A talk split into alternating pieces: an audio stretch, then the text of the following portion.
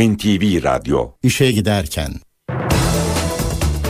Mutlu sabahlar. Ben Aynur Altunkaş. Bugün 5 Aralık Çarşamba. İşe giderken ne karşınızdayız? Saat 9'a kadar Türkiye ve dünya gündemindeki gelişmeleri, gazete manşetlerini, piyasa verilerini, yol ve hava durumlarını aktaracağız. Önce gündemin öne çıkan başlıklarına bakalım. Şili'de batan geminin mürettebatından bir kişi öldü, 7 kişiden haber yok. Şili'ye giden kurtarma gemisindeki 3 kişi kayboldu. Fırtına ve yağış yurt genelinde hayatı olumsuz etkiledi. AK Parti dokunulmazlıklarla ilgili yeni bir çalışma başlatıyor. NATO Türkiye'nin Patriot füze talebini onayladı. İşe giderken gazetelerin gündemi.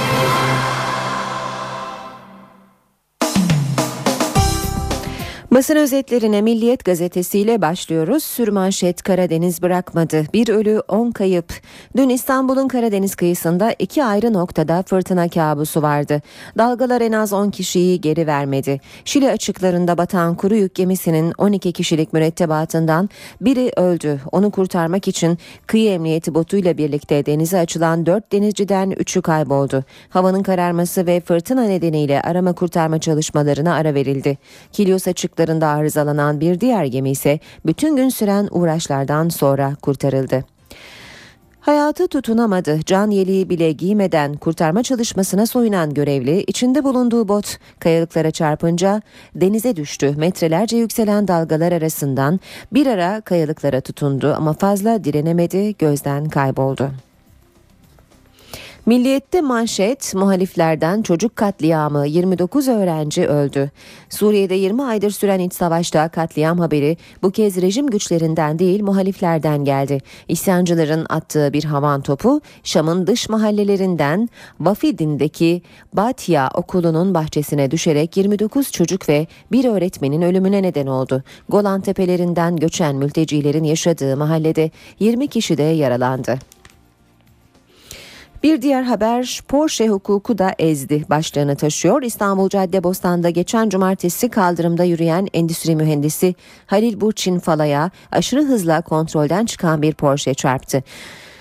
Kerim Çelik Genel Müdür Yardımcısı olarak görev yapan Falay ağır yaralanarak yoğun bakıma kaldırıldı. Kaza sonrası kaçan daha sonra teslim olan sürücü Berkay Uras.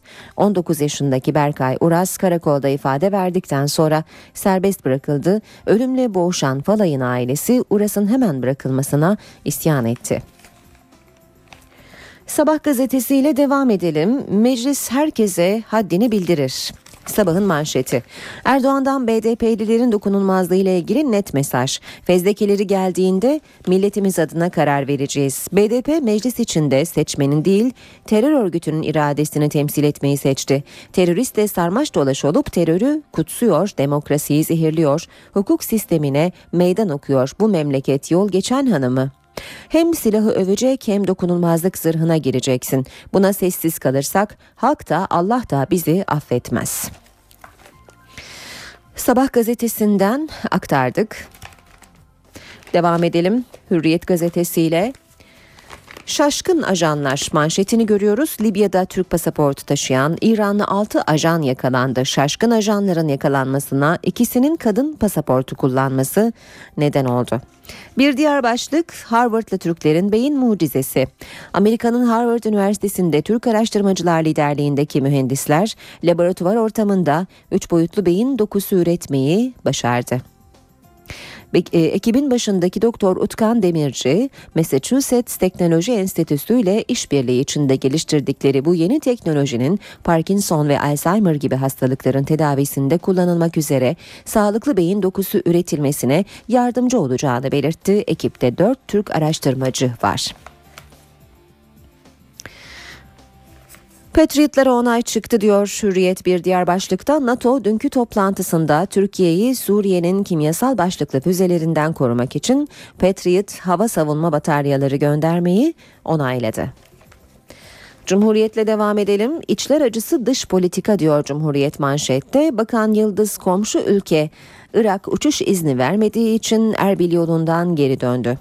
Enerji ve Tabi Kaynaklar Bakanı Taner Yıldız, Bağdat yönetiminin izin vermemesi nedeniyle petrol ve gaz konferansına katılmak üzere yapacağı Erbil ziyaretini iptal etmek zorunda kaldı. Önce izin veren Bağdat, Irak Başbakan Yardımcısı Şehristani'nin tepkisi üzerine VIP uçuşlara kapıları kapattı. Türkiye'nin nota ile izin talebi de geri çevrildi. Yıldız'ı götüren Başbakanlığa ait GAP uçağı buna karşın havalandı ancak Bağdat'ın kararı değişmedi. Yıldız Şehristani'yi İstanbul'a davet etti. Cumhuriyet'ten bir başlık daha Erdoğan rotayı çizdi. AKP grubunda söz alan 16 vekil dokunulmazlıkta bölündü, başbakan rest çekti. Erdoğan BDP'lilerin dokunulmazlıklarının kaldırılmasına karşı parti içinde itirazların yükselmesi üzerine parti grubunu genel merkezde topladı. Söz alan vekillerden bazıları dokunulmazlıkları Kürtlerde duygusal kopuş olur. PKK taban kazanır, bölgede oy kaybederiz eleştirisine yöneltti. Arınç'ta bir yol haritası belirlenmesine karşı çıktı. Geri adım atmayan Erdoğan, Türkiye Güneydoğu'dan ibaret değil dedi. Radikal gazetesinde de manşet bakana özel yasak. Bağdat'la kriz tırmandı. Bağdat Erbil'deki enerji konferansına katılacak. Bakan Yıldız yola çıkmadan hava sahasına özel uçaklara kapattı. Bakan dönünce yasakta kalktı. Bağdat'ın Türkiye derdi başlığı altında şunları okuyoruz. Maliki yönetimi Türkiye'nin 45 milyar varil petrol, 3,5 trilyon metreküp doğal gaz rezervi olan Kuzey Irak'a ilgisinden ve bölgedeki etkinliğinden rahatsız. Yıldız'ın Erbil'e gitmesini de Erdoğan'ın istediği söyleniyor.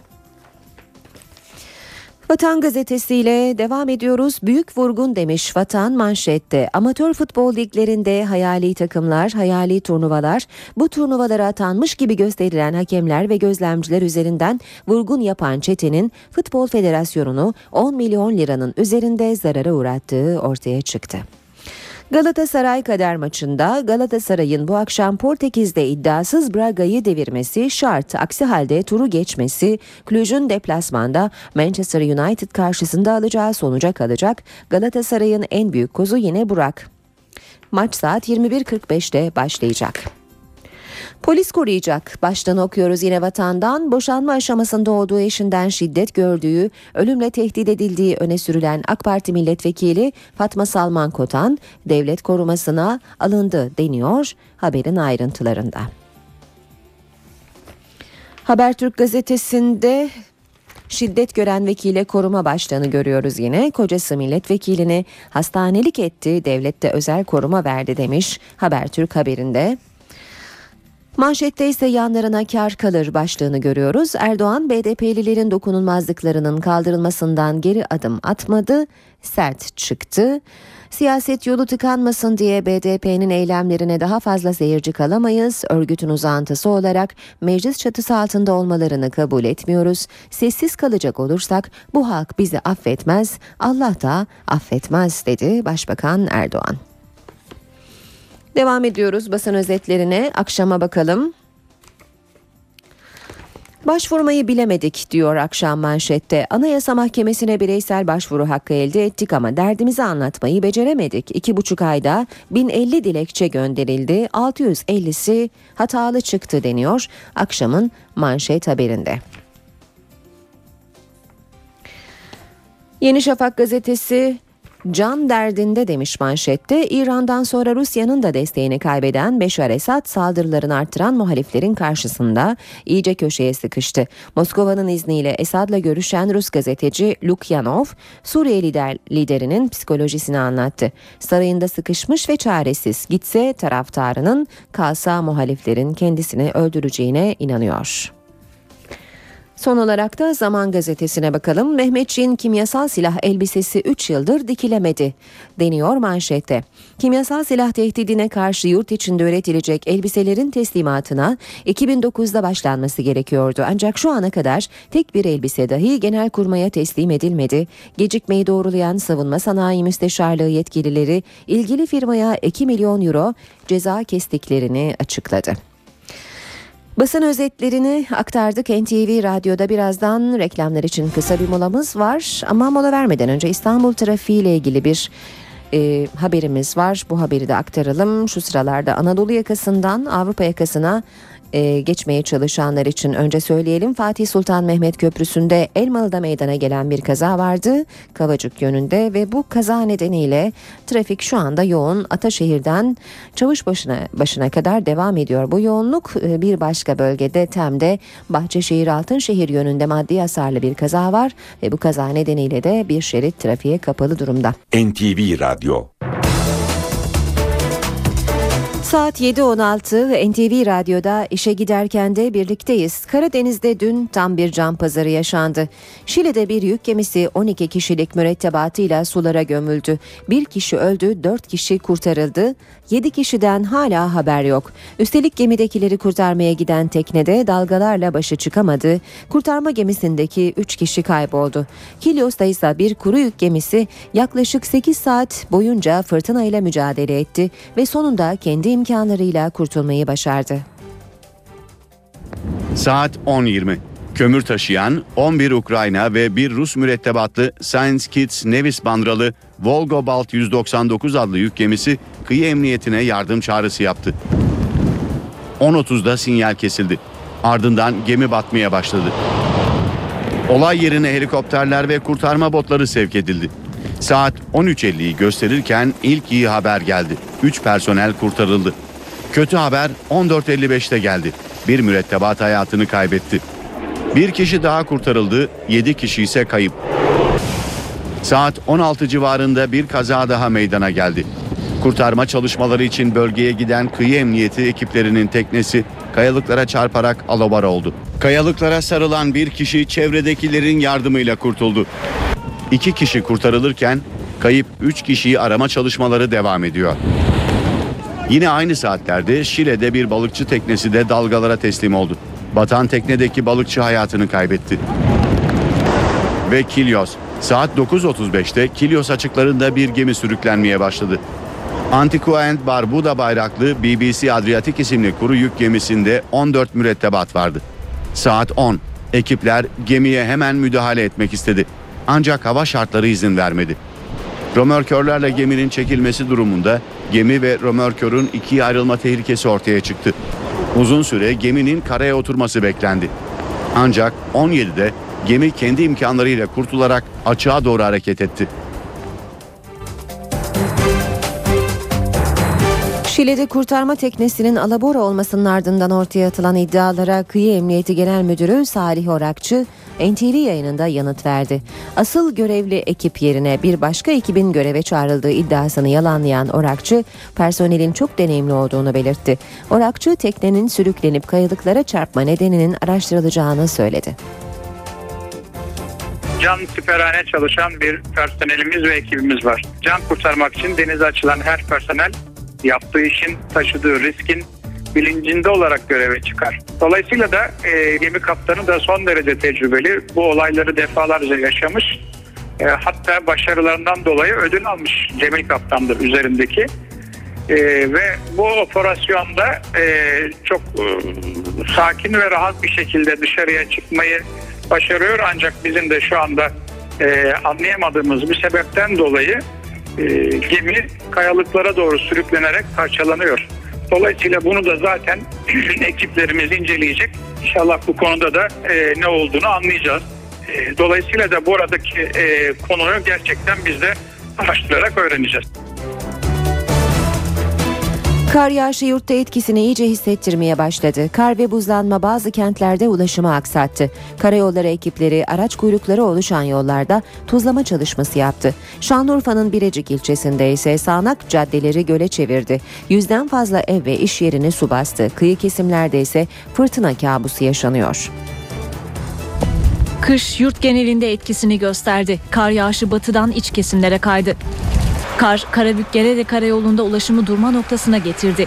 Kemikli rampasında ulaşım güçlükle sağlandı. Yolda uzun kuyruklar oluştu. Karayolları ekipleri bölgede tuzlama çalışmaları yaptı. Kar yağışının beyaza bürüdüğü bir başka kent Erzurum oldu. Erzurum İlgili'nin ilk kar yağdı. Çok mutluyuz. Yollardaki buzlanma nedeniyle sürücüler zor anlar yaşadı. Trafik kazaları meydana geldi.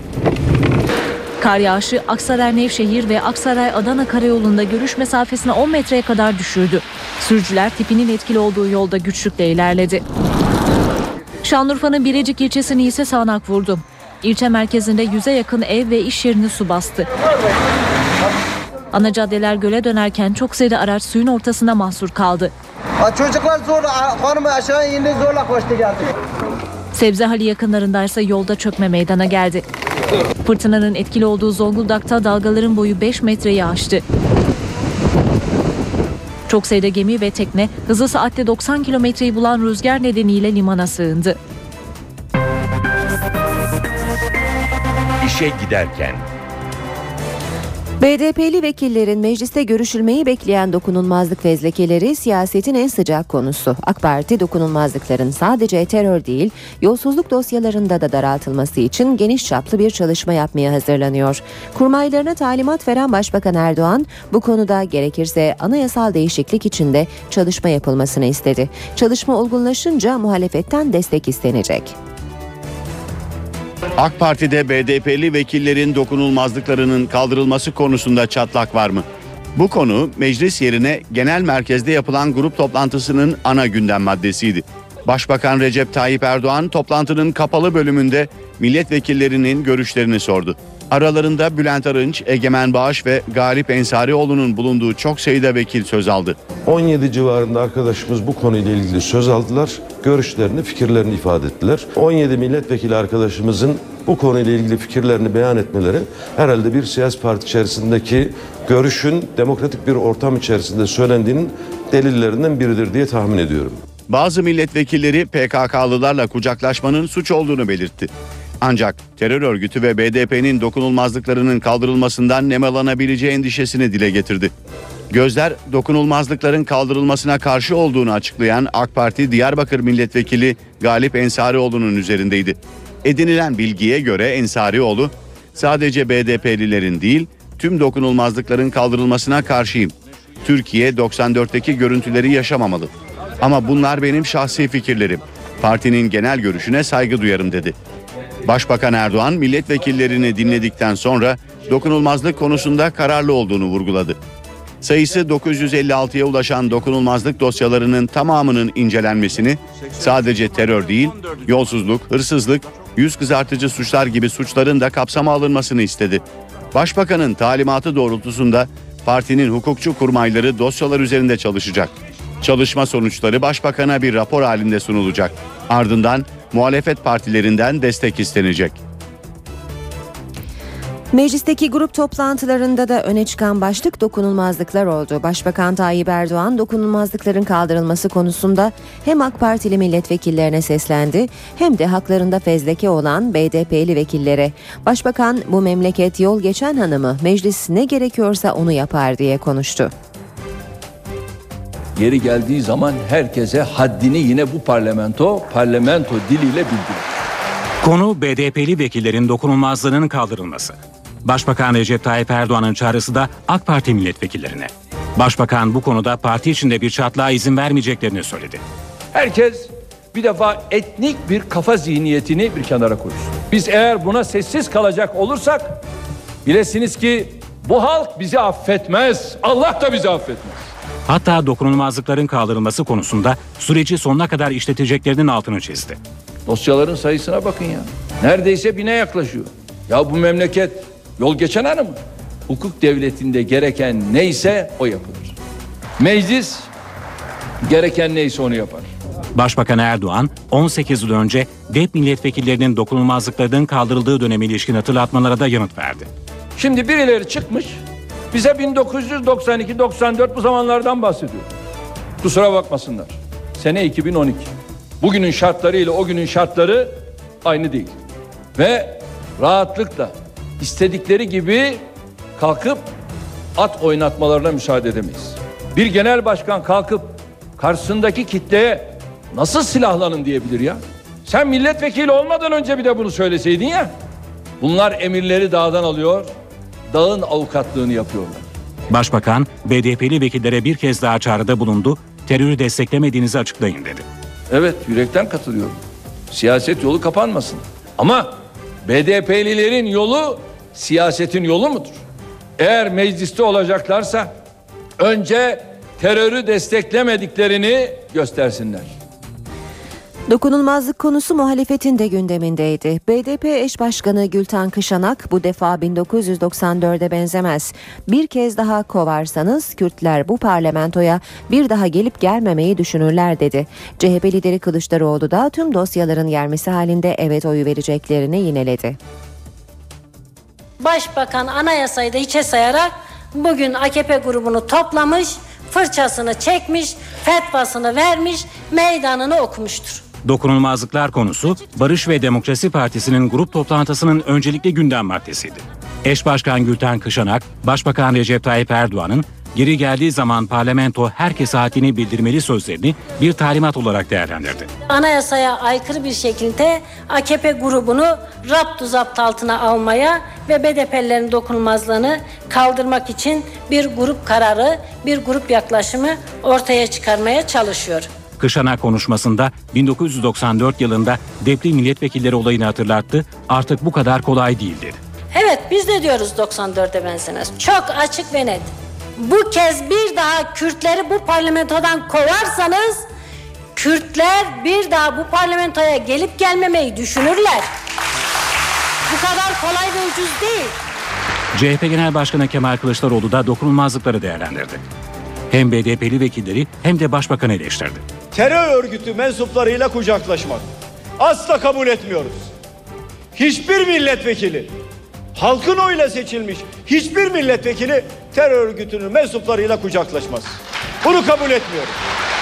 Doğru da bulmuyoruz. Ama bir soruyu sormaktan kendimi alıkoyamıyorum. Bunlar Venezuela'da mı kucaklaştılar acaba? Nerede kucaklaştılar? O ülkede başbakan yok muydu? Ardından tüm dokunulmazlık dosyalarının gelmesi halinde evet oy vereceklerini yineleyerek başbakana seslendi. Ya hep ya hiç. Dokunulmazlıkları getir, adam gibi getir, göreceksin. 135 milletvekili dokunulmazlıkların kaldırılması için ellerini kaldıracaklar. Başbakan Yardımcısı Beşir Atalay'ın kanın durması için herkesle görüşürüz sözlerine MHP Genel Başkanı Devlet Bahçeli tepki gösterdi. Bahçeli Atalay'a bugüne kadar kimlerle görüştüğünü açıklasın diye çağrı yaptı. Başbakan Erdoğan meşruti monarşinin tekrar kurulmasını ve kendisini de seçilmiş sultan olmasını beklemekte ve bunun için gayret göstermektedir. MHP Genel Başkanı Devlet Bahçeli grup toplantısında başkanlık sistemini değerlendirdi. Başbakan Recep Tayyip Erdoğan'ı seçilmiş sultan olmak istemekle suçladı. MHP lideri AK Parti'nin Anayasa Uzlaşma Komisyonu'na yaptığı Türk tipi başkanlık sistemi önerisine de sert sözlerle karşı çıktı. AKP'nin başkanlık sisteminden maksadı demokrasi veya yönetimde etkinlik ve verimlilik değildir. Buradaki gizli niyet ve amaç yönetim modeli adı altında rejim değişikliğidir. MHP Genel Başkanı okullarda serbest kıyafet yönetmeninin dikkatli uygulanması uyarısı yaptı. Önlüğün çıkması, tek tip giyim kıstasının kaldırılması, aileler arasındaki maddi ve fiziki uçurumların çocuklara yansımasına zemin hazırlayacaktır. MHP Genel Başkanı Bahçeli, grup toplantısı sonrasında ise Başbakan Yardımcısı Beşir Atalay'ı eleştirdi. Atalay'ın kanın durması için herkesle görüşürüz açıklamasına tepki gösterdi. Bugüne kadar kimlerle görüştüğünü açıklasın. Az sonra spor haberlerine bakacağız. Şimdi kısa bir aramız var. Ara vermeden önce gündemin başlıklarını hatırlatalım. Şili'de batan geminin mürettebatından bir kişi öldü, 7 kişiden haber yok. Şili'ye giden kurtarma gemisindeki 3 kişi kayboldu. Fırtına ve yağış yurt genelinde hayatı olumsuz etkiledi.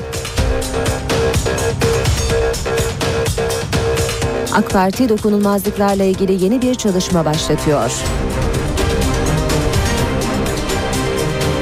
NATO Türkiye'nin Patriot füze talebini onayladı.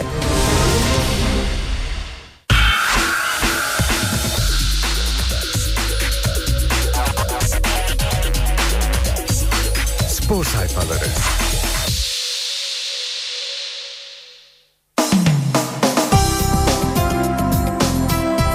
Saat 7.37 spor haberleriyle NTV Radyo'da işe giderken de birlikteyiz. Şeytana bırakma. Habertürk Spor'un manşeti Devler Ligi'nde bir üst tura çok yaklaşan Galatasaray belki de sezonun en kritik maçını Portekiz'de oynayacak. Aslan Braga'yı yenerse Manchester'ın Cluj'u devirmesine bakmadan gruptan çıkacak. Bu akşam saat 21.45'te e, oynanacak karşılaşma ve NTV Radyo'dan canlı olarak yayınlanacak. Bir diğer başlıkla devam edelim. Habertürk'ten küskünler. Fenerbahçe'de Başkan Aziz Yıldırım'ın yaklaşık bir buçuk aydır Aykut Kocaman'la tek kelime bile konuşmadığı bu durumunda Kocaman'ı fazlasıyla rahatsız ettiği öğrenildi deniyor haberde. Spor haberleri aktarmaya devam edelim. Sabah gazetesiyle Aktaracağımız ilk haber yine Braga Galatasaray maçıyla ilgili olacak. Tur bizim olsun demiş sabah. Kariyerinde ilk bir ilki kovalayan Fatih Terim net konuştu. Umarım Braga karşısında alacağımız sonuçla İngiltere'den gelecek haberi beklemek zorunda kalmayız. Bizim için en güzel sonuç turu getirecek sonuçtur. Benim için sürpriz değil. Galatasaray'ın bu sezon Şampiyonlar Ligi'nde attığı 5 golün altına imzasını atan Burak Yılmaz, kendime inanıyorum, performansım sürpriz değil demiş. Muslera kalede Durumu merak konusu olan Uruguaylı file bekçisi son idmana çıktı. Fatih Terim de Muslera'ya forma vereceğini ima etti. Devam ediyoruz. Sabahtan aktarmaya. Kara Kartal'da kongre zirvesi, İçişleri Bakanlığı müfettişleri, orman ve kurmaylarıyla bir araya geldi. Beşiktaş'ı denetleyen müfettişler tüzük seçim için 2014'ü gösteriyor ama yasalar olağan kurul için 2013 başını işaret ediyor raporu verdi. Yine sabahtan aktarmaya devam ediyoruz spor haberleri. Sıradaki başlık büyük transfer hayal. Gürcan Bilgiç Fenerbahçe ile Snyder'in ismi birlikte telaffuz edilirken kulübün mali durumuna vurgu yaptı. Fenerbahçe en önemli eksiğini zaten Raul Miralej'i alarak giderdi. Schneider gibi bir e, yıldıza hiç kimse hayır diyemez ama gelmesi tüm dengeleri ve takım uyumunu bozar. Uçurum yok. Kariyerindeki 3 golün ikisini Trabzon formasıyla atan Emerson bize her yer Trabzon diyorlar. Her yerde aynı destek olmalı. Galatasaray 26, biz 22 puandayız. Arada büyük fark yok açıklamasını yapmış. Devam ediyoruz spor haberleri aktarmaya. Sabahın ardından geçelim milliyete. Milliyetten ilk başlık tüm enerjimiz sahada olacak. Teknik direktör Fatih Terim Braga karşısında hedeflerinin 3 puan olduğunu söyledi. Galatasaray'ın hocası zorlu bir mücadeleye çıkacaklarını belirtti.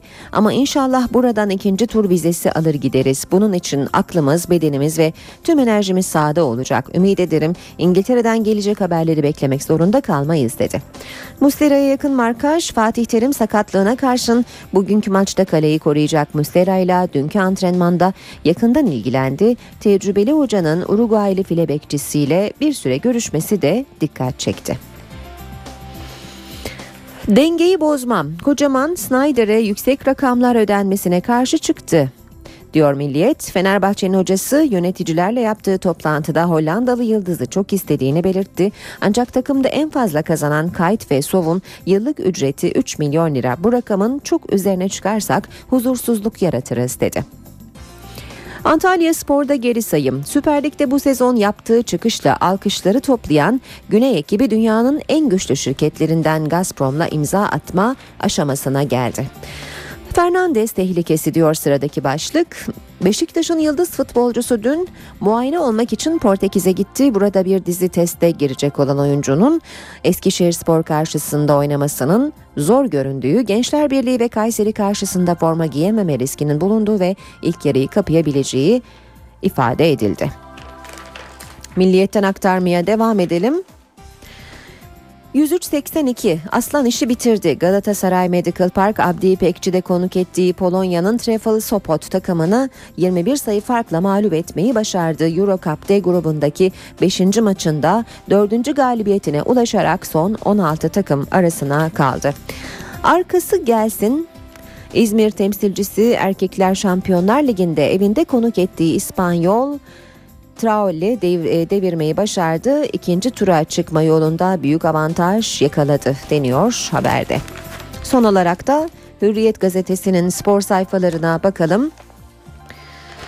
İlk başlık bir maçtan daha fazlası. Galatasaray bu akşam Braga engelini geçip Devler Ligi'nde tur atlarsa çok şey kazanacak. Gözler sarı kırmızıların tarihi randevusunda. Bu akşam saat 21.45'te başlayacak maçın NTV Radyo'dan canlı olarak yayınlanacağını bir kez daha hatırlatalım. Rahat etmeleri sağlandı. Yöneticiler, ekonomide futbolcular business'ta uçtu. Braga yolculuğunda Galatasaray'ın tarihinde ilk kez yöneticiler uçağın arkasında, futbolcularsa daha konforlu olan ön koltuklarda seyahat ettirildi denmiş haberin devamında. Nihat Özdemir istifa etti. Fenerbahçe'nin eski başkan vekili Nihat Özdemir, Siirt Spor Yönetim Kurulu üyeliğinden istifa etti. Özdemir'in kendi bilgisi dışında yönetim kurulu listesine ismi yazılınca istifa ettiği öğrenildi. Konuyla ilgili Özdemir, Siirt Spor'a zaten maddi manevi destek veriyorum. Bir televizyon kanalında Siirt Spor yönetimine seçildiğim için Fenerbahçe Kongre üyeliğinden ihraç edileceğim yönünde haberler yapıldı. Böyle bir durum olmamasına rağmen bu durumdan rahatsız oldum. O yüzden istifamı verdim dedi. Spor haberleri aktarmaya devam edelim. Islak imzalı sus emri Başkan Fikret Orman başarılı sonuçlar alan takımdaki olumlu havanın bozulmamasını istedi. Siyah beyazlı kulübün eski yöneticisi Süleyman Eren de Orman'a destek verdi deniyor ve son başlık. Fernandes %90 ihtimalle ilk yarıyı kapattı. Siyah beyazlar dün Portekiz'den gelen şok haberle sarsıldı. Tecrübeli futbolcu acı gerçeği kendi doktorundan öğrendi. Antalya spor maçına sakat sakat çıkıp kendini yakan yıldız futbolcunun 3 hafta sahalardan uzak kalacağı ortaya çıktı. Teknik direktör Samet Aybaba kara kara düşünmeye başladı. İşe giderken İşe giderken devam ediyor. İstanbul trafiğine bakalım. Şimdi önce köprülerle başlayalım. Anadolu Avrupa geçişinde Fatih Sultan Mehmet Köprüsü'nde yoğunluk e, Ataşehir'den itibaren başlıyor diyebiliriz. Bu yoğunluk köprü girişine kadar etkisini sürdürüyor. Ters yönde etiler katılımıyla başlayan yoğunluk köprü girişine kadar etkili. Sonrasında trafik açık. D100'de Şirin Evler İncirli yönünde bir araç arızası var ve bu arıza sebebiyle bölgede yoğunluk oluşuyor. Boğaziçi Köprüsü Anadolu Avrupa geçişinde Çamlıca itibarıyla başlayan yoğunluk köprü çıkışına kadar etkili. Ters yönde Zincirlikuyu'da başlıyor yoğunluk ve köprü çıkışında da bir süre devam ediyor. D100'de Az önce aktardığımız araç arızası dışında e, yoğun olan bir başka bölge Topkapı Anıt Mezar'dan Ok Meydanı'na e, doğru ve bu yoğunluk köprü yönünde etkili.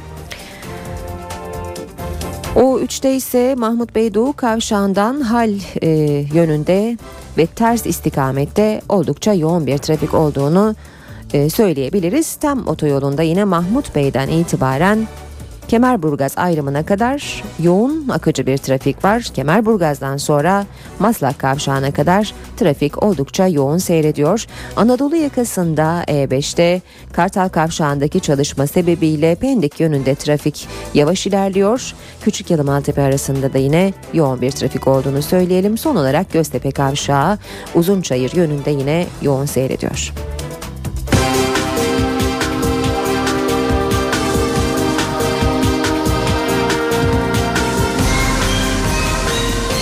İşe giderken NATO Türkiye'nin Patriot talebiyle ilgili beklenen kararını dün verdi. Brüksel'de toplanan NATO Dışişleri Bakanları Türkiye'nin Suriye sınırına Patriot yerleştirilmesini onayladı. NATO Genel Sekreteri Anders Fogh Rasmussen, Türkiye'ye saldırmayı düşünenler aklınızdan bile geçirmeyin diye konuştu. Patriotlara onay çıkması ile ilgili Dışişleri Bakanlığı'ndan da bir açıklama geldi. Turkey has asked for NATO's support and we stand with Turkey NATO üyeleri Patriot füzeleri konuşlandırarak Türkiye'nin hava savunmasının güçlendirilmesi konusunda anlaşmıştır. Türkiye'ye saldırmayı düşünenlere bir şey söylemek istiyorum. Aklınızdan bile geçirmeyin. NATO, Türkiye'nin Patriot füze savunma sistemi talebini kabul etti. Brüksel'de toplanan NATO Dışişleri Bakanları, Türkiye'nin Suriye sınırına Patriot yerleştirilmesini onayladı.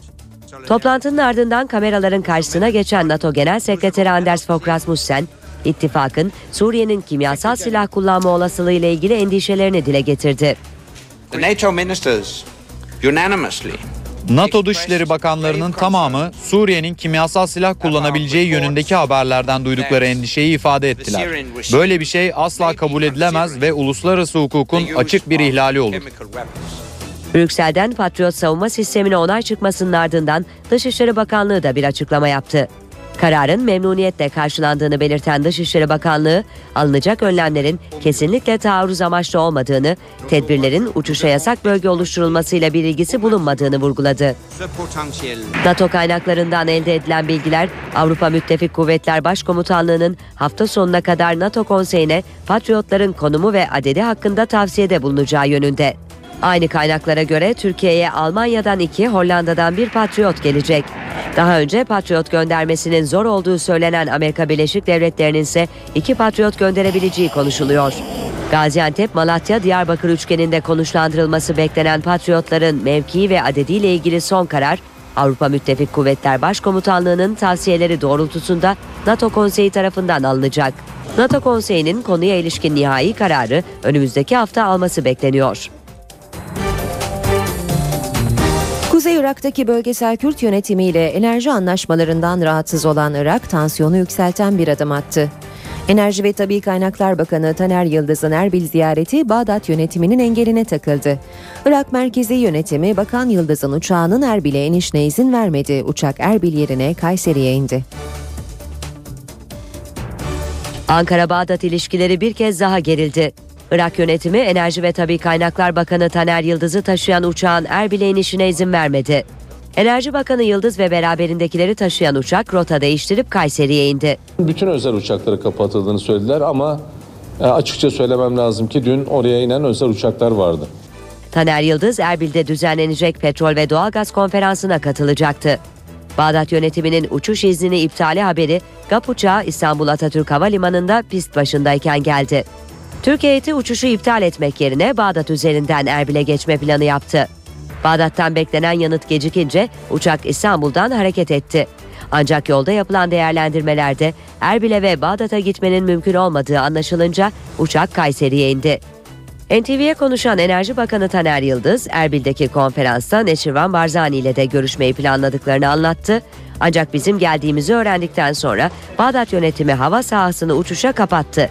Yanlış anlama giderilir ve kardeşliğimiz açısından bir sıkıntı yaşanmaz diye düşünüyorum dedi. Gerginliğin temel nedenine gelince Bağdat yönetimi bir süredir Türkiye'nin Kuzey Irak'taki bölgesel Kürt yönetimiyle petrol ve doğalgaz anlaşması yapmasından rahatsız. Bakan Yıldız da bu konuya değindi. Merkezi Irak hükümetinin hassasiyetlerine dikkat ettiğimizi ve Irak'ın bütünlüğünün bizim için önemli olduğunu birçok kereler vurguladık. O yüzden e, bunu çok e, anlamlı e, bulamadığımızı ve böyle bir iletişim kopukluğunun mutlaka giderileceğine olan inancım bir kez daha vurgulamak isterim. Böyle bir iletişim kopukluğunun böyle büyük projelere mani olmayacağına inanıyorum. Bu yaşadığımız hadise oradaki ortaklıklarımızı etkilemez diye düşünüyorum. Enerji Bakanı Taner Yıldız'ın Erbil'e inmesine izin verilmemesine CHP'den tepki geldi. CHP Genel Başkan Yardımcısı Erdoğan Toprak yaptığı yazılı açıklamada bunun kabul edilemez olduğunu söyledi. Toprak Taner Yıldız'ın uçağına Irak yönetimi tarafından iniş izni verilmemesini kınadığını ifade etti. Bu durumun hükümetin izlediği dış politikanın yarattığı bir vahamet olduğunu söyledi. Yaşanan olayın dikkatli ve titiz bir biçimde analiz edilmesi gerektiğini de belirten Toprak, Türkiye'ye giderek sınırları içine hapsolan bir ülke konumuna gelmektedir dedi. İsrail'in Gazze saldırısının simgesi Filistinli baba Ankara'da. Dışişleri Bakanı Ahmet Davutoğlu'nun İsrail saldırıları sırasında gözyaşlarıyla teselli etmeye çalıştığı Besim Murteza El Şavva yaralı eşiyle birlikte tedavi için Türkiye'ye geldi. El Şavva eli boş gelmedi. Dışişleri Bakanı için bir de hediye getirdi. Dışişleri Bakanı Ahmet Davutoğlu Gazze'deki Şifa Hastanesi'nde ölen kızının yasını tutan Filistinli babanın acısını gözyaşlarıyla paylaştı. O baba Besim Murteza El Şavva yaralı eşiyle birlikte ambulans uçakla Türkiye'ye getirildi. Uçaktan önce Davutoğlu'nun teselli etmeye çalıştığı Besim Murteza El Şavva indi. I am in Turkey and Mr. Oglu in Ahmet Davutoğlu'na Tayyip Erdoğan'a çok teşekkür ederim. Kızını kaybettiği hava saldırısında bacağından yaralanan eşi Mona Al Şavva'nın uçaktan indirilmesini bekleyen El Şavva Gazze'den bir de hediye getirdi. I want to give it uh, to Mr. Oglu. Davutoğlu'na hediye etmek için Kur'an-ı Kerim getirdim. From, from my family to his. Mona El Şavva ve diğer iki Filistinli yaralının tedavisi Atatürk Eğitim ve Araştırma Hastanesi'nde devam edecek. İsrail'in 8 gün süren hava operasyonunda 161 Filistinli hayatını kaybetti. 1399 kişi de yaralandı. İsrail Maliyesi Tel Aviv'deki Türk Hava Yolları ofisinde inceleme yaptı. Vergi kaçırıldığı iddiasıyla gözaltına alınan 3 Türk Hava Yolları yetkilisi sorgulandıktan sonra serbest bırakıldı. Gözaltına alınan Türk Hava Yolları Tel Aviv müdürü, muhasebe şefi ve bir muhasebe çalışanı maliye görevlileri tarafından İsrail Vergi Dairesi'ne götürüldü. Burada ifadeleri alınan görevliler daha sonra serbest bırakıldı. İsrail Maliye ekiplerinin Ben Gurion Havaalanı'ndaki Türk Hava Yolları ofisi ve şehir merkezindeki Türk Hava Yolları bürosundaki bilgisayar kayıtlarına da el koyduğu ileri sürüldü. Türk Hava Yolları basın müşavirliğinden yapılan açıklamada da olay doğrulandı ve İsrail Vergi Dairesi'nin vereceği karara göre gerekli işlemlerin yapılacağı bildirildi. NTV Radyo NTV Meteoroloji evinden merhaba. Kuvvetli karayer Trakya'dan başlayarak hem sıcakları hızla azalttı hem de yağışları kuvvetlendirdi. Soğuk hava bugün iç ve doğu kesimleri de etkisi altına alacak. Batıda ise lodos sıcaklıkları yeniden yükseltecek ama Cuma günü sıcaklıkların Trakya'dan başlayarak yeniden azalmasını bekliyoruz. Bugün için batı kesimlerde sıcaklıklar 3-4 derece yükselirken akşama doğru yeniden artacak bulutlanma bölgede yağış getirecek. İç kesimlerde ve özellikle doğuda yer yer yağış etkili olurken yağışlar yoğun kar şeklinde olacak. Kuzeyde ise Karadeniz bölgesinde yine kuvvetli sağanaklar görülecek. Bugün gün içinde batıda yağış beklemiyoruz. Lodos'a dönecek rüzgar sıcaklıkları yükseltirken akşam saatlerinde Ege ve Akmarmara yağışlı havanın etkisine girecek.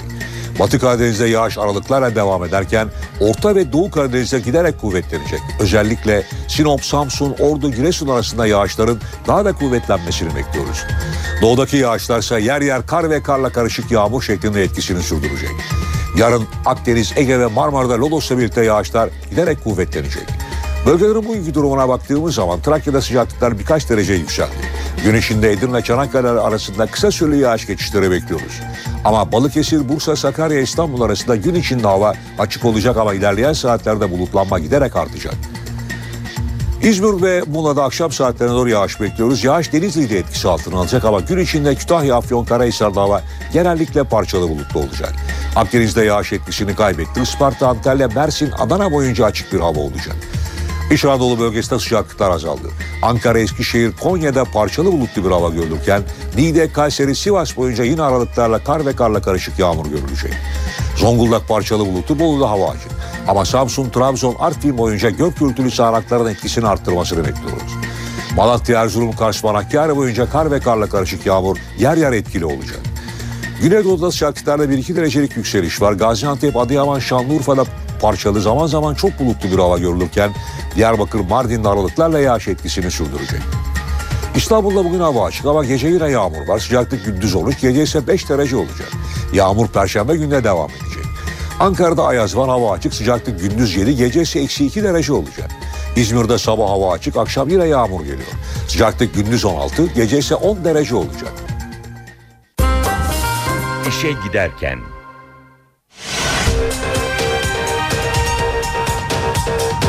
Şili'de batan geminin mürettebatından bir kişi öldü, 7 kişiden haber yok.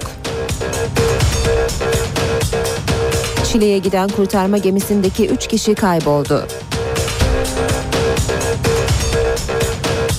Fırtına ve yağış yurt genelinde hayatı olumsuz etkiledi. AK Parti dokunulmazlıklarla ilgili yeni bir çalışma başlatıyor. NATO Türkiye'nin Patriot füze talebini onayladı. İşe giderken gazetelerin gündemi.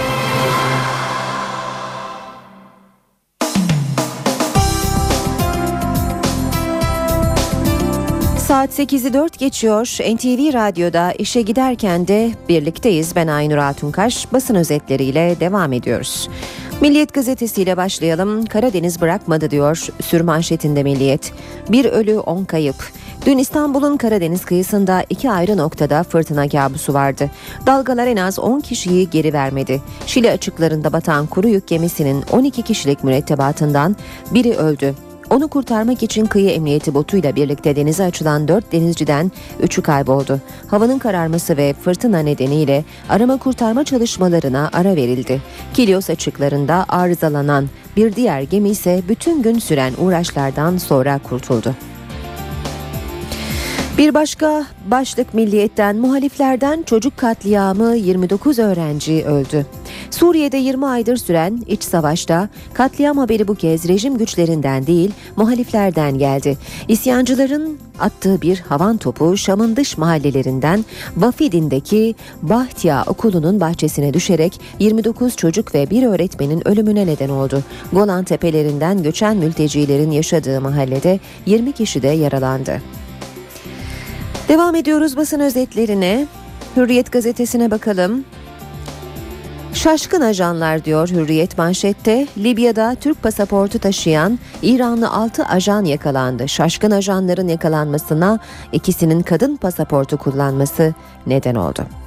Patriotlara onay çıktı. NATO dünkü toplantısında Türkiye'yi Suriye'nin kimyasal başlıklı füzelerinden korumak için Patriot hava savunma bataryaları göndermeyi onayladı. Harvardlı Türklerin beyin mucizesi başlıklı haberi de aktaralım. Amerika'nın Harvard Üniversitesi'nde Türk araştırmacılar liderliğindeki mühendisler laboratuvar ortamında 3 boyutlu beyin dokusu üretmeyi başardı. Ekibin başındaki doktor Utkan Demirci, Massachusetts Teknoloji Enstitüsü ile işbirliği içinde geliştirdikleri bu yeni teknolojinin Parkinson ve Alzheimer gibi hastalıkların tedavisinde kullanılmak üzere sağlıklı beyin dokusu üretilmesine yardımcı olacağını belirtti. Ekipte 4 Türk araştırmacı var. Sabah gazetesiyle devam ediyoruz. Meclis herkese haddini bildirir diyor sabah manşette. Erdoğan'dan BDP'lilerin dokunulmazlığıyla ilgili net mesaj fezlekeleri geldiğinde milletimiz adına karar vereceğiz. BDP meclis içinde seçmenin değil terör örgütünün iradesini temsil etmeyi seçti. Terörist de sarmaş dolaş olup terörü kutsuyor, demokrasiyi zehirliyor, hukuk sistemine meydan okuyor. Bu memleket yol geçen hanımı. Hem silahı övecek hem dokunulmazlık zırhına gireceksin. Buna sessiz kalırsak halk da Allah da bizi affetmez. Yeri geldiğinde parlamento herkese haddini bildirir yoksa yanlarına kar kalır. Devam ediyoruz basın özetlerine. Radikal gazetesine bakalım. Radikal'de bakana özel yasak diyor manşet. Bağdat'la kriz tırmandı. Bağdat Erbil'deki enerji konferansına katılacak Bakan Yıldız yola çıkmadan hava sahasını özel uçaklara kapattı. Bakan dönünce yasak da kalktı. Yıldız'ın uçağına pazartesi Bağdat'tan verilen izin son saniye genelgesiyle iptal oldu. Bağdat Büyükelçisi uçak inmeden dönebilir mesajı geçti. İzin alma umuduyla uçağı kaldıran Yıldız Kayseri'ye indi. Bağdat'ın Türkiye derdi diyor Radikal. Maliki yönetimi Türkiye'nin 45 milyar varil petrol, 3,5 trilyon metreküp doğal gaz rezervi olan Kuzey Irak'a ilgisinden ve bölgedeki etkinliğinden rahatsız. Yıldız'ın Erbil'e gitmesini de Erdoğan'ın istediği söyleniyor. Cumhuriyet gazetesinde de haberi manşette görüyoruz. İçler acısı dış politika başlığıyla Bakan Yıldız komşu ülke Irak uçuş izni vermediği için Erbil yolundan geri döndü deniyor. CHP Genel Başkan Yardımcısı Erdoğan Toprak'ın olaya tepkisi yer almış haberde Toprak uçuş izni vermeyen Irak'ı kınarken AKP hükümetini de eleştirdi. Bu durum AKP'nin izlediği dış politikanın yarattığı bir vahamettir. Bu dış politika siyaseti ülkemizin itibarını ortadan kaldırmaktadır dedi. Erdoğan rotayı çizdi. AKP grubunda söz alan 16 vekil dokunulmazlıkta bölündü. Başbakan rest çekti. Erdoğan BDP'lilerin dokunulmazlıklarının kaldırılmasına karşı parti içinde itirazların yükselmesi üzerine parti grubunu genel merkezde topladı. Söz alan vekillerden bazıları dokunulmazlıkları Kürtlerde duygusal kopuş olur. PKK taban kazanır, bölgede oy kaybederiz eleştirisini yöneltti. Arınç'ta bir yol haritası belirlenmesine karşı çıktı. Geri adım atmayan Erdoğan, Türkiye Güneydoğu'dan ibaret değil dedi.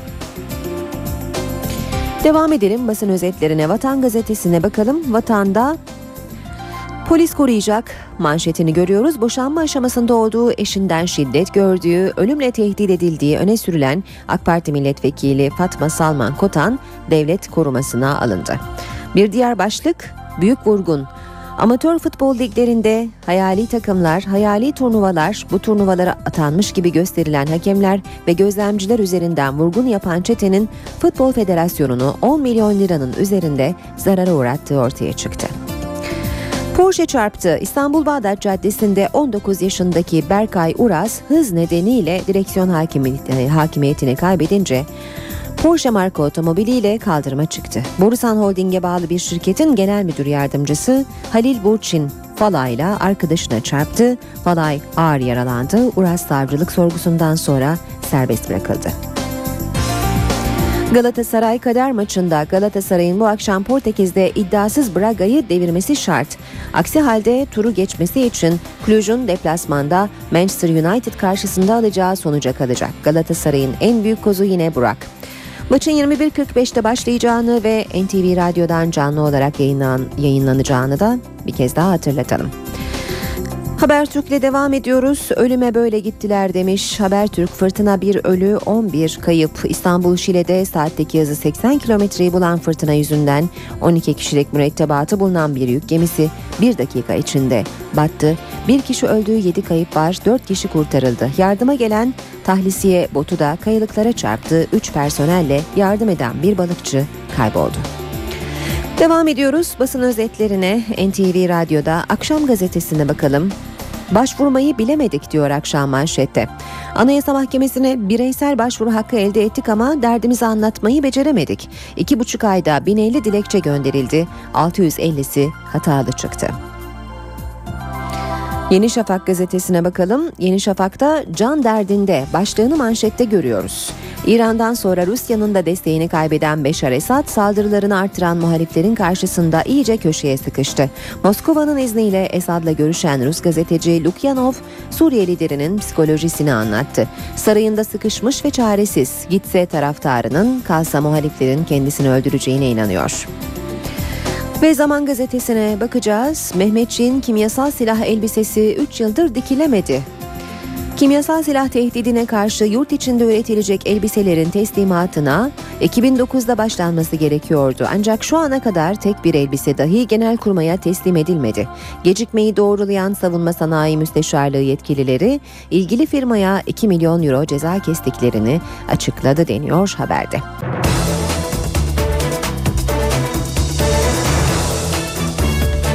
NTV Radyo'da birlikteyiz. Saat 8.18 gündeme yakından bakmaya devam ediyoruz. İstanbul Şile açıklarında dün batan yabancı uyruklu gemideki denizcileri ve onları kurtarmaya giderken kayalıklara çarparak batan bottaki kayıp Türk denizcileri arama çalışmalarına bugün de devam ediliyor. Geceye çalışmalara ara verilmişti. Son duruma ilişkin bilgileri NTV muhabiri Korhan Varol aktarıyor.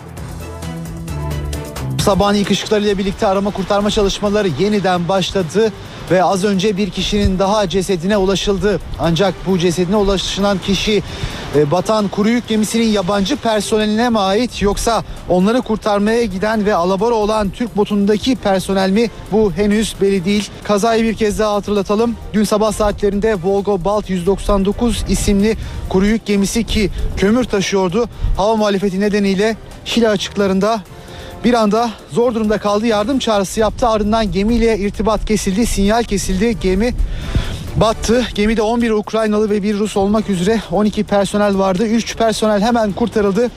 Bir kişinin de cesedine ulaşıldı.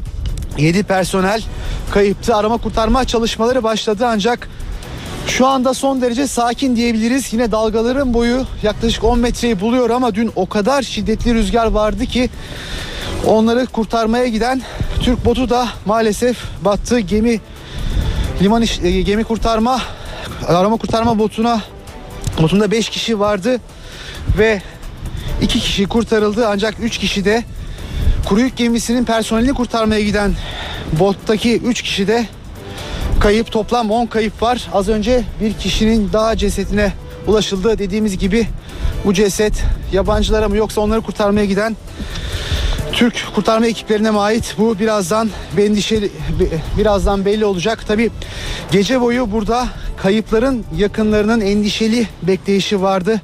Arama kurtarma çalışmaları gece hava karardıktan sonra ara verildi. Gece boyu yakınları kayıpların yakınları endişeli bir şekilde bekledi. Bu arada e, gemi parçaları can yelekleri de yine gece karaya vurdu. Dediğimiz gibi dün sabah saatlerinde Volgabalt 199 isimli gemi battı ve 7 personeli kayıp. Onları kurtarmaya giden bottaki 3 kişi de kayıp. Toplam 10 kayıp var. Az önce bir kişinin daha cenazesine ulaşıldı. Kar yağışı yurtta etkisini iyice hissettirmeye başladı. Kar ve buzlanma bazı kentlerde ulaşımı aksattı. Karayolları ekipleri araç kuyrukları oluşan yollarda tuzlama çalışması yaptı. Şanlıurfa'nın Birecik ilçesinde ise sağanak caddeleri göle çevirdi. Yüzden fazla ev ve iş yerini su bastı. Kıyı kesimlerde ise fırtına kabusu yaşanıyor. Kış yurt genelinde etkisini gösterdi. Kar yağışı batıdan iç kesimlere kaydı. Kar, Karabük'Gerede karayolunda ulaşımı durma noktasına getirdi. Kemikli rampasında ulaşım güçlükle sağlandı. Yolda uzun kuyruklar oluştu. Karayolları ekipleri bölgede tuzlama çalışmaları yaptı. Kar yağışının beyaza bürüdüğü bir başka kent Erzurum oldu. Erzurum ilgilinin ilk kar yağdı. Çok mutluyuz. Yollardaki buzlanma nedeniyle sürücüler zor anlar yaşadı. Trafik kazaları meydana geldi. Kar yağışı Aksaray Nevşehir ve Aksaray Adana karayolunda görüş mesafesini 10 metreye kadar düşürdü. Sürücüler tipinin etkili olduğu yolda güçlükle ilerledi. Şanlıurfa'nın Birecik ilçesini ise sağanak vurdu. İlçe merkezinde yüze yakın ev ve iş yerini su bastı. Ana caddeler göle dönerken çok sayıda araç suyun ortasında mahsur kaldı. Çocuklar zor hanım aşağı indi zorla koştu geldi. Sebzehali yakınlarındaysa yolda çökme meydana geldi. Fırtınanın etkili olduğu Zonguldak'ta dalgaların boyu 5 metreyi aştı. Çok sayıda gemi ve tekne hızı saatte 90 kilometreyi bulan rüzgar nedeniyle limana sığındı. BDP'li vekillerin mecliste görüşülmeyi bekleyen dokunulmazlık fezlekeleri siyasetin en sıcak konusu. AK Parti dokunulmazlıkların sadece terör değil, yolsuzluk dosyalarında da daraltılması için geniş çaplı bir çalışma yapmaya hazırlanıyor. Kurmaylarına talimat veren Başbakan Erdoğan bu konuda gerekirse anayasal değişiklik için de çalışma yapılmasını istedi.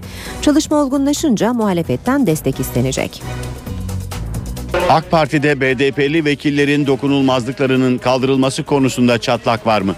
Bu konu meclis yerine genel merkezde yapılan grup toplantısının ana gündem maddesiydi. Başbakan Recep Tayyip Erdoğan toplantının kapalı bölümünde milletvekillerinin görüşlerini sordu.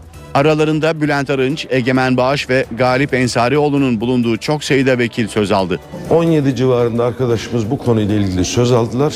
Görüşlerini, fikirlerini ifade ettiler. 17 milletvekili arkadaşımızın bu konuyla ilgili fikirlerini beyan etmeleri herhalde bir siyasi parti içerisindeki görüşün demokratik bir ortam içerisinde söylendiğinin delillerinden biridir diye tahmin ediyorum. Bazı milletvekilleri PKK'lılarla kucaklaşmanın suç olduğunu belirtti. Ancak terör örgütü ve BDP'nin dokunulmazlıklarının kaldırılmasından nemalanabileceği endişesini dile getirdi. Gözler dokunulmazlıkların kaldırılmasına karşı olduğunu açıklayan AK Parti Diyarbakır Milletvekili Galip Ensarioğlu'nun üzerindeydi. Edinilen bilgiye göre Ensarioğlu sadece BDP'lilerin değil tüm dokunulmazlıkların kaldırılmasına karşıyım. Türkiye 94'teki görüntüleri yaşamamalı. Ama bunlar benim şahsi fikirlerim. Partinin genel görüşüne saygı duyarım dedi. Başbakan Erdoğan milletvekillerini dinledikten sonra dokunulmazlık konusunda kararlı olduğunu vurguladı. Sayısı 956'ya ulaşan dokunulmazlık dosyalarının tamamının incelenmesini sadece terör değil, yolsuzluk, hırsızlık, yüz kızartıcı suçlar gibi suçların da kapsama alınmasını istedi. Başbakanın talimatı doğrultusunda partinin hukukçu kurmayları dosyalar üzerinde çalışacak. Çalışma sonuçları başbakana bir rapor halinde sunulacak. Ardından muhalefet partilerinden destek istenecek. NATO Türkiye'nin Patriot talebiyle ilgili beklenen kararını dün verdi. Brüksel'de toplanan NATO Dışişleri Bakanları Türkiye'nin Suriye sınırına Patriot yerleştirilmesini onayladı. NATO Genel Sekreteri Anders Fogh Rasmussen, Türkiye'ye saldırmayı düşünenler aklınızdan bile geçirmeyin diye konuştu. Patriotlara onay çıkması ile ilgili Dışişleri Bakanlığı'ndan da bir açıklama geldi. Turkey has asked for NATO's support, and we stand with Turkey NATO üyeleri Patriot füzeleri konuşlandırarak Türkiye'nin hava savunmasının güçlendirilmesi konusunda anlaşmıştır. Türkiye'ye saldırmayı düşünenlere bir şey söylemek istiyorum. Aklınızdan bile geçirmeyin. NATO, Türkiye'nin Patriot füze savunma sistemi talebini kabul etti. Brüksel'de toplanan NATO Dışişleri Bakanları, Türkiye'nin Suriye sınırına Patriot yerleştirilmesini onayladı. Toplantının ardından kameraların karşısına geçen NATO Genel Sekreteri Anders Fogh Rasmussen, ittifakın Suriye'nin kimyasal silah kullanma olasılığı ile ilgili endişelerini dile getirdi. NATO Dışişleri Bakanlarının tamamı Suriye'nin kimyasal silah kullanabileceği yönündeki haberlerden duydukları endişeyi ifade ettiler. Böyle bir şey asla kabul edilemez ve uluslararası hukukun açık bir ihlali olur. Brüksel'den Patriot savunma sistemine onay çıkmasının ardından Dışişleri Bakanlığı da bir açıklama yaptı. Kararın memnuniyetle karşılandığını belirten Dışişleri Bakanlığı, alınacak önlemlerin kesinlikle taarruz amaçlı olmadığını, tedbirlerin uçuşa yasak bölge oluşturulmasıyla bir ilgisi bulunmadığını vurguladı. NATO kaynaklarından elde edilen bilgiler Avrupa Müttefik Kuvvetler Başkomutanlığı'nın hafta sonuna kadar NATO konseyine Patriotların konumu ve adedi hakkında tavsiyede bulunacağı yönünde. Aynı kaynaklara göre Türkiye'ye Almanya'dan iki, Hollanda'dan bir Patriot gelecek. Daha önce Patriot göndermesinin zor olduğu söylenen Amerika Birleşik Devletleri'nin ise iki Patriot gönderebileceği konuşuluyor. Gaziantep, Malatya, Diyarbakır üçgeninde konuşlandırılması beklenen Patriotların mevkii ve adediyle ilgili son karar Avrupa Müttefik Kuvvetler Başkomutanlığı'nın tavsiyeleri doğrultusunda NATO Konseyi tarafından alınacak. NATO Konseyi'nin konuya ilişkin nihai kararı önümüzdeki hafta alması bekleniyor. Ankara gündemi.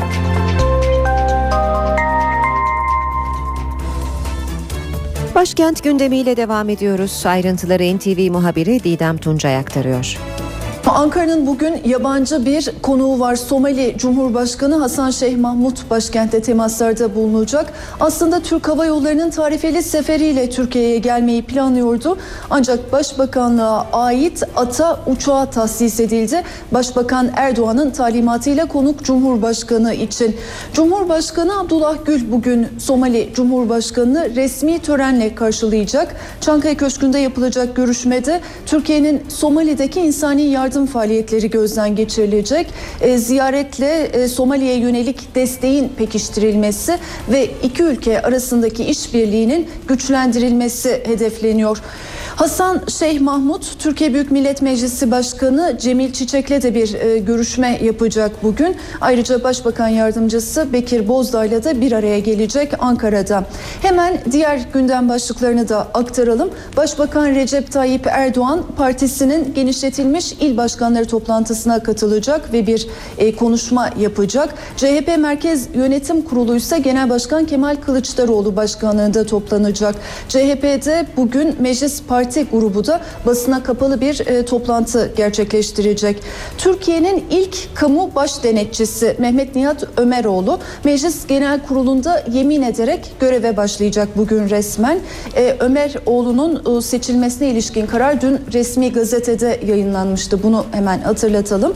Bugün aynı zamanda Türk kadınına seçme ve seçilme hakkı verilmesinin yıl dönümü. Aile ve e, Sosyal Politikalar Bakanı Fatma Şahin de bu nedenle e, Anıtkabir'de düzenlenecek olan törene katılacak. Ankara gündeminden öne çıkan notlar böyle.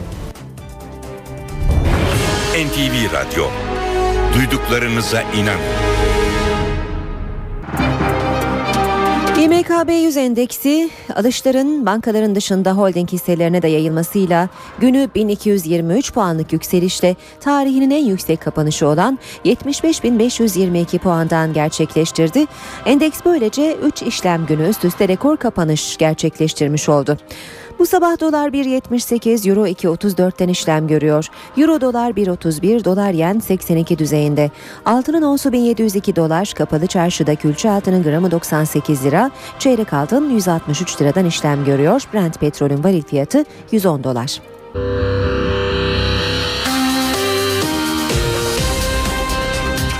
NTV Radyo, Türkiye'nin haber radyosu.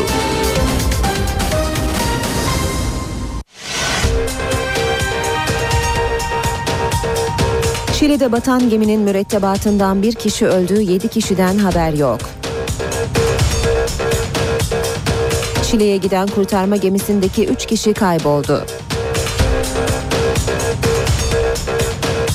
Fırtına ve yağış yurt genelinde hayatı olumsuz etkiledi. AK Parti dokunulmazlıklarla ilgili yeni bir çalışma başlatıyor. NATO Türkiye'nin Patriot füze talebini onayladı.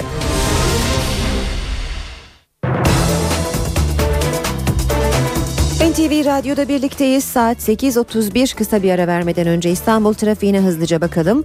D100'de Şirin Evler İncirli yönünde bir araç arızası var. Yine D100'de Anıt Mezar Otakçılar istikametinde bir araç arızası daha meydana geldi. Bu iki arıza sebebiyle söz konusu bölgelerde yoğunluk var. Yine D100'de Küçükçekmece Hacı Şerif yönünde maddi hasarlı bir kaza var. Bir şerit trafiğe kapalı durumda. Köprülerle devam edelim. Boğaziçi Köprüsü Anadolu Avrupa geçişinde Çamlıca itibarıyla yoğun seyrediyor ve Beşiktaş katılımına kadar da yoğunluk sürüyor. Ters yönde ise Zincirlikuyu'dan başlayan yoğunluk köprü çıkışına kadar devam ediyor. Fatih Sultan Mehmet Köprüsü Anadolu Avrupa geçişinde Çakmak Köprüsü itibariyle başlayan akıcı yoğun bir trafik Ümraniye Kavşağı'nda yerini daha yoğun bir seyre bırakıyor ve bu yoğunluk köprü girişine kadar devam ediyor. Ters yön akıcı sadece köprüye yaklaşırken yoğun ama akıcı bir trafik olduğunu söyleyebiliriz.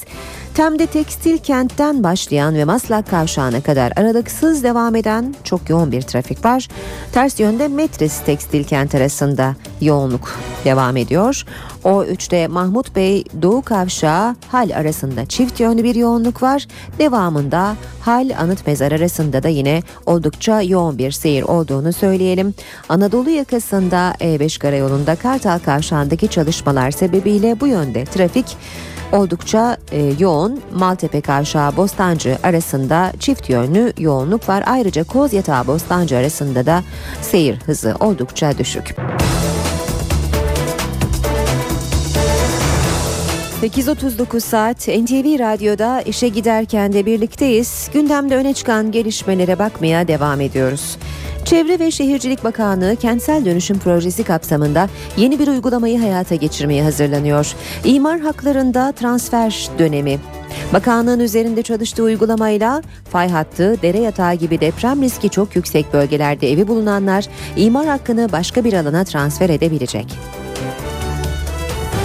İmar haklarında transfer dönemi başlıyor. Çevre ve Şehircilik Bakanlığı yaklaşık 6,5 milyon binanın yıkılıp yeniden yapılacağı kentsel dönüşüm projesi kapsamında imar haklarının transferi uygulamasına hazırlanıyor. Uygulamayla kentsel dönüşüm sırasında yaşanabilecek hak mağduriyetlerinin önüne geçilmesi hedefleniyor.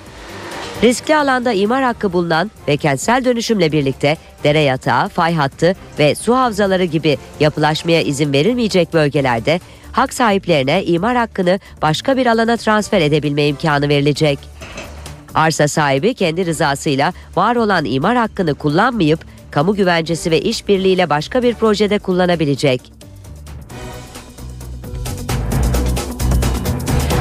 Tokat'ta 80 yaşında bir emeklinin maaşı yanlış hesaplandı denilerek kesildi. Üstelik 14 yıl boyunca ödenen maaş da faiziyle geri isteniyor. Yaşlı adam bu nedenle ilaçlarını dahi alamıyor.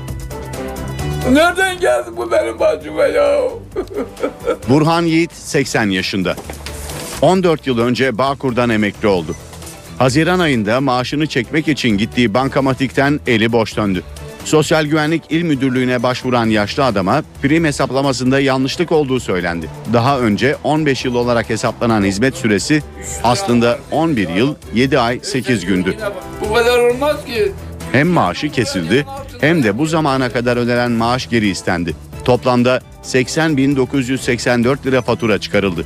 Onlar bu parayı bana vermiyordu. Ben de almıyordum. Ben parayı çalmadım, çipmedim. Kendileri verdi, ben aldım. O kadar bağkur ödedim. Bilmem bilmem nereye gittim anladın mı? E, 80 yaşına geldim de 80. Ana yaşım 85. Yaşlı adam mağdur. İlaçlarını dahi alamayan Burhan Yiğit yetkililerden yardım istiyor. Benim aylığımı versinler, maaşımı bağlasınlar. Borcum varsa benim paramı yarısını kesinler, yarısını yatırsınlar. Benim borcum yok bir yere. Havalar soğudu, sokakta yaşayan dostlar için de önlem almak zamanı geldi. Bayrampaşa Belediyesi ilk adımı kediler için attı. Belediye sınırları içindeki 10 parka kedi köşkleri kuruldu. Köşklerde hem sıcak bir ortam hem de 24 saat mama var. İstanbul Bayrampaşa Belediyesi sokak kedileri için harekete geçti. 10 parkın içine kedi köşkü yaptı. 25 kedi kapasiteli bu köşklerde kedilere hem sıcak bir ortam hem de yiyecek sağlanıyor. Burada iki katlı olan bu köşkte birinci katta yemeklerini yiyorlar. ikinci katta sıcak bir ortamları var. Orada dinleniyorlar, yatıyorlar. Sabahlara kadar burada kalabilirler. Doyduktan sonra dışarıya çıkıyorlar. Geziyorlar, tekrar geliyorlar. Gıdaları bittikçe gıdalarını koyuyoruz. Suyu bittikçe suyunu koyuyoruz. Ve yukarıda herhangi bir kirlenme durumu varsa da temizliğini yapıyoruz. Sadece Bayrampaşa'da yüzlerce sokak kedisi var. Belediye hepsiyle tek tek ilgileniyor. 10 yerde yaptık, sayılarını arttıracağız.